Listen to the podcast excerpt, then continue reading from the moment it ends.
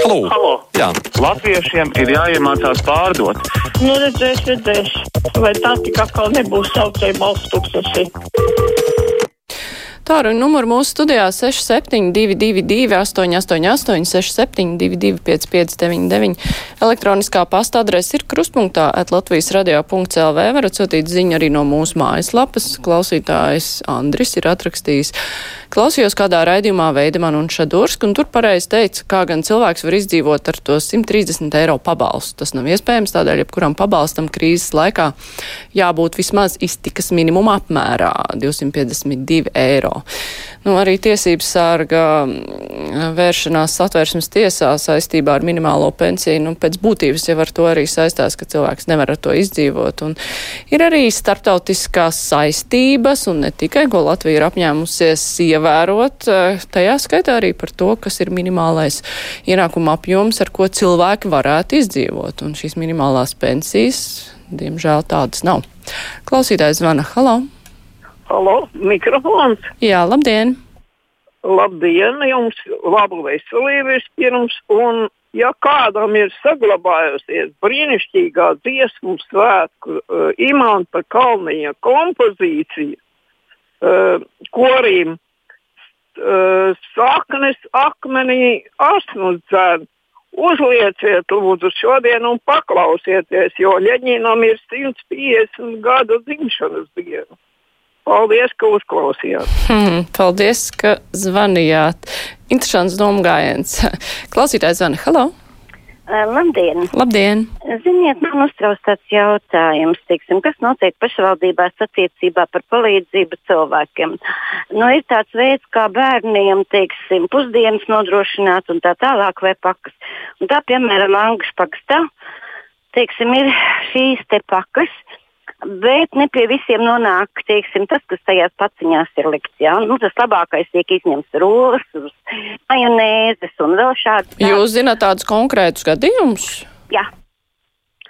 Neminēšu, bet tas ir fakts, jo, piemēram, ir tā, ka šī sociālā darbinieka, teiksim, ģimenes locekļi lielās, ka viņiem, teiksim, meitas palīdz un tā tālāk, kad vajadzīgs iepirkt, nu tas ir vispār katastrofāli. Otrs, ziniet, mani ļoti vispār atbēdina un uztrauc tas jautājums par paliatīvo aprūpi. Vai šodien, ziniet, ir tā klausoties rādio, ir tāda sajūta. Piedzimis bērns, ziniet, labi, es viņu pasaulē laidīšu par to tālāk, lai rūpējās valsts teiksim, es strādāju, es izklaidējos, man galvenais ir materiālais, un tad pienāk, teiksim, nu, mums pensionārs tā kā vajadzētu izolēt. Jā, nu, ziniet, es pateikšu tā, es pat esmu izkopus savu māti vēl, teiksim, pirmajos gados, kad tā situācija mūsu valstī bija ļoti grūta. Un man ir grūti saprast, kā cilvēkam, teiksim, na, viņš nemīl savu piedarīgo, ka viņam ar steigu viņš ir jādabū kaut kādā aprūpes iestādē. Jā, nu var jau būt. Ziniet, es tajā laikā apguvu ļoti daudz. Es augu, augoju cilvēku, es, teiksim, paņēmu bezalgas atvaļinājumu, bet tā kā šodien tas jautājums tiek nostādīts, viss, viņš ir pensionārs, viņš ir slims, domājiet tā valsts tālāk. Ziniet, tā nedrīkst būt. Paldies, ka uzklausījāt. Jā, paldies, ka zvanījāt. Nu, es nezinu, es nepiekritīšu, ka tas jautājums tā tiek nostādīts. Tas, par ko mēs īpaši vakar runājām, bija par atbalstu tuviniekiem, kuriem ir mājās kāds kopjams cilvēks, jo cilvēki nonāk tiešām bezizējas situācijā. Ja ir jāiet uz darbu, ja ir mazi bērni, kopjams cilvēks eh, blakus, nu, ir nepieciešams valsts atbalsts. Nav runa par to, ka vajag obligāti uzreiz ielikt kādā aprūpas iestādē, bet vajag pabalstīt, lai cilvēki cilvēkam nav jāiet prom no darba, kurā viņš varbūt dod ļoti vērtīgu ieguldījumu tikai tāpēc, ka viņam ir tagad pēkšņi 24 stundas dienā jāpieskata kāds uh, tuvinieks. Klausītājs vana, halo! Labdien! Labdien! Es ļoti gribētu ar jūsu palīdzību, varbūt jūs ziniet, kur var piezvanīt. Es gribētu kādam brīvam bezdarbniekam piedāvāt dzīvot mājās sakopšanai darbiņu pret kādu nelielu samaksu. Varbūt es nezinu, kam es varētu piezvanīt, kā atcaucās cilvēks, kas ir brīvi. Ne jau nu es varu diez kādu maksu, bet ne jau arī kāds diez kāds lielais darbs ir. Bet, nu, nu apkārt, apkasīt un palīdzēt, nu, nu, sakot, privātu māju apkārt un kādu puķu dobītei zemīti pievest, nu, nu tādu, bet ne jau pret lielu samaksu, bet tā varētu sarunāt. Mm -hmm. Ir kāds brīvs bezdarbnieks Es varu piedāvāt jūru. Man ir e, 700, tas ir jūrmalā, un mm. mežs ir e, 50 metri tādā nomalītē. Ļoti e, viens pats cilvēks dzīvoja. Man varbūt neizdodas tā smuki parunāt. Es pirmo reizi zvanu savā mūžā uz mikrofonu. Esmu kundzīta, 85 mm -hmm. gadu veca. Ja sapratat, ļoti labi būs. Un ja palīdzēt, kur zvanīt, es bez mm. pateicīga. nu, jā, nu tas, ko es varētu ieteikt, ir pirmkārt ir apvaicāties uh, kaut kur tuvumā kaimiņiem radiem, vai nav kāds zināms šāds cilvēks. Otrkārt, nu, sludinājumu portālos SSLV, manuprāt, arī tiek meklēti darbi un piedāvāti darbi šāda veida. Nu, ja jums ir tomā kāds, kam ir internets, pavaicāt ielikt sludinājumu, noteikti kāds atsauksies. Klausītājs zvana. Halo! E, labdien! Labdien! Nu, lai ko pēdējos gados nebūtu sarunājis Imants Kalniņš, ja? viņa skaņdarbs Leņinam, nu, tā bija visīstākā ņirgāšanās. Ļoti žēl, ka cilvēks, kurš, kurš nu pat piezvanīja, ka viņš to nesaprata. Paldies jums! Tas cilvēks, kurš zvanīja, es īsti neuztvēru tieši kā viņš to domāja, vai tas bija ironiski vai neironiski, jo tāpēc balss ir grūti noteikt, bet Nu, jā, bet eh, runājot par um, kultūras darbinieku darinājumiem padomju laikā, nu, jā, daudz tādi ir bijuši. Katrs droši vien varētu pamatot, kāpēc viņš ar tādu nāca klajā tajā laikā.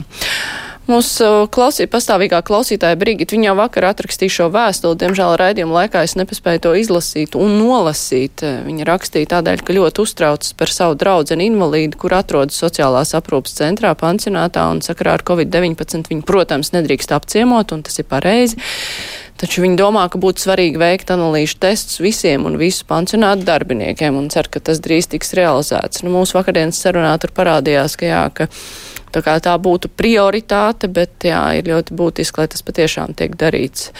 Lai cilvēki, kuri strādā šajās iestādēs, un ne tikai kuri strādā iestādēs, bet arī apmeklē, strādā ar cilvēkiem, lai viņi varētu uzzināt, vai ir vai nav slimi ar šo vīrusu. Klausītājs zvana. Halo! Labdien! Labdien! Ko tie deputāti var ņemties un cilvēki ar to reģionālo reformu? Visas partijas, kad iestājās, gāja uz vēlēšanām, savās programmās bija ielikuši, ka viņi ir veiks reģionālo reformu. Bet tagad visi kaut ko vārās un nekā neiet tā lietas priekšu. Paldies! Jā, paldies! Nav jau stāsts par to veiks, neveiks, bet kāda tā reforma būs, jo ir jau svarīgi. Un cilvēki jau tie, kas nav apmierināti, viņi nav apmierināti. Jā, protams, ir tādi, kas negribētu vispār reformu, bet nu, kuriem nepatīk tieši tās robežas, kas ir iezīmētas. Klausītājs zvana. Halo! Labdien! Labdien!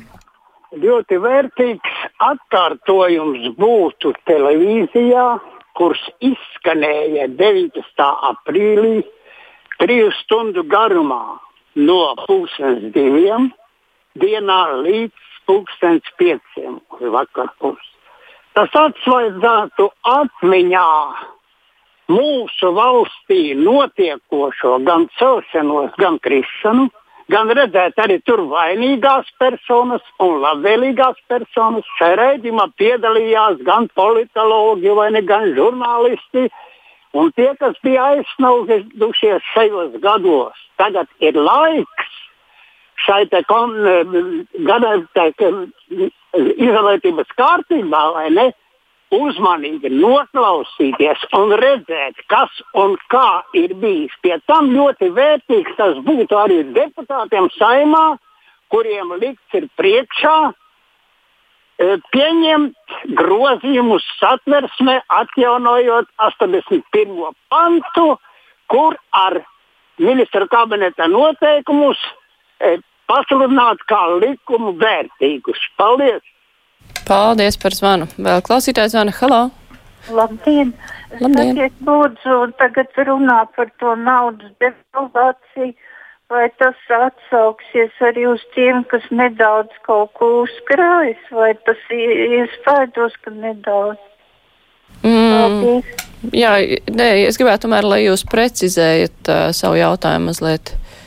Uh, nu, kam ir kaut nedaudz bankā uzkrāts, vai tiem Mhm. arī tas kaut kā izjutīs to kaut kā?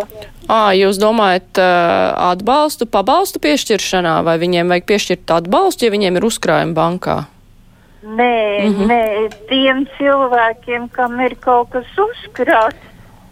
Jā, es Vai vienkārši ļoti slikti dzirdēju jūsu jautājumu sākumu. Ja jūs varētu atkārtot vēlreiz par uzkrājumiem, es dzirdēju, es nedzirdēju, kas tālāk notiek. Tagad runā par to naudas devalvāciju. Mhm. Un tas eh, laikam attiecās uz tiem, kam ļoti daudz tās naudas, jā, bet ja kādam ir eh, mazliet uzkrāts, vai tas tie arī kaut ko izjutīs? Jūs droši vien runājat par pensiju uzkrājumiem, vai ne? Nē, nē, Nē? nē. nē. Nu, es nezinu, par kādu devalvāciju īsti jūs runājat, tāpēc, ka šobrīd nav tāda milzīga devalvācija, par ko vajadzētu uztraukties. Jā, kaut kāda maza inflācija varbūt ir, bet, nu, tas nav tādos apjomos, lai tagad vajadzētu salīdzināt, jā, nu, tad ko kurš īsti ir zaudējis. Klausītājs Vana, halo! Labdien! Labdien! Es gribēju divus jautājumus. Vispirms gribēju ļoti izteikt pateicību ārstu konsultācijai, kura var piezvanīt brīvdienās un naktīs, jo tas ir milzīgs atbalsts, ka nestrādā ģimenes ārsti, kurus tāpat sazvanīt nevar, un tās konsultācijas ir tiešām vērtīgas. Ar viņām es dzīvoju jau ilgu laiku. Tas ir pirmais. Otrais mani uztrauca vakar bija bērziņš par samariešu kustību. Es arī, man, arī dzīvoju tikai pateicoties samariešu kustībai, kur man pienes produktus un kaut ko palīdz. Jo es praktiski neredzu, un arī citas vainas ir bezgala. Bet viņš pateica tā, viņi tagad ap, aprūpē paliatīvos cilvēkus, kas ir nepieciešams, un viņi arī apkalpošot ar koronu slimos. Viņam vēl pārprasīja, vai tiešām, vai tiešām viņi, jā, viņi apkalpos tos un pēc tam staigās pa pārējiem cilvēkiem.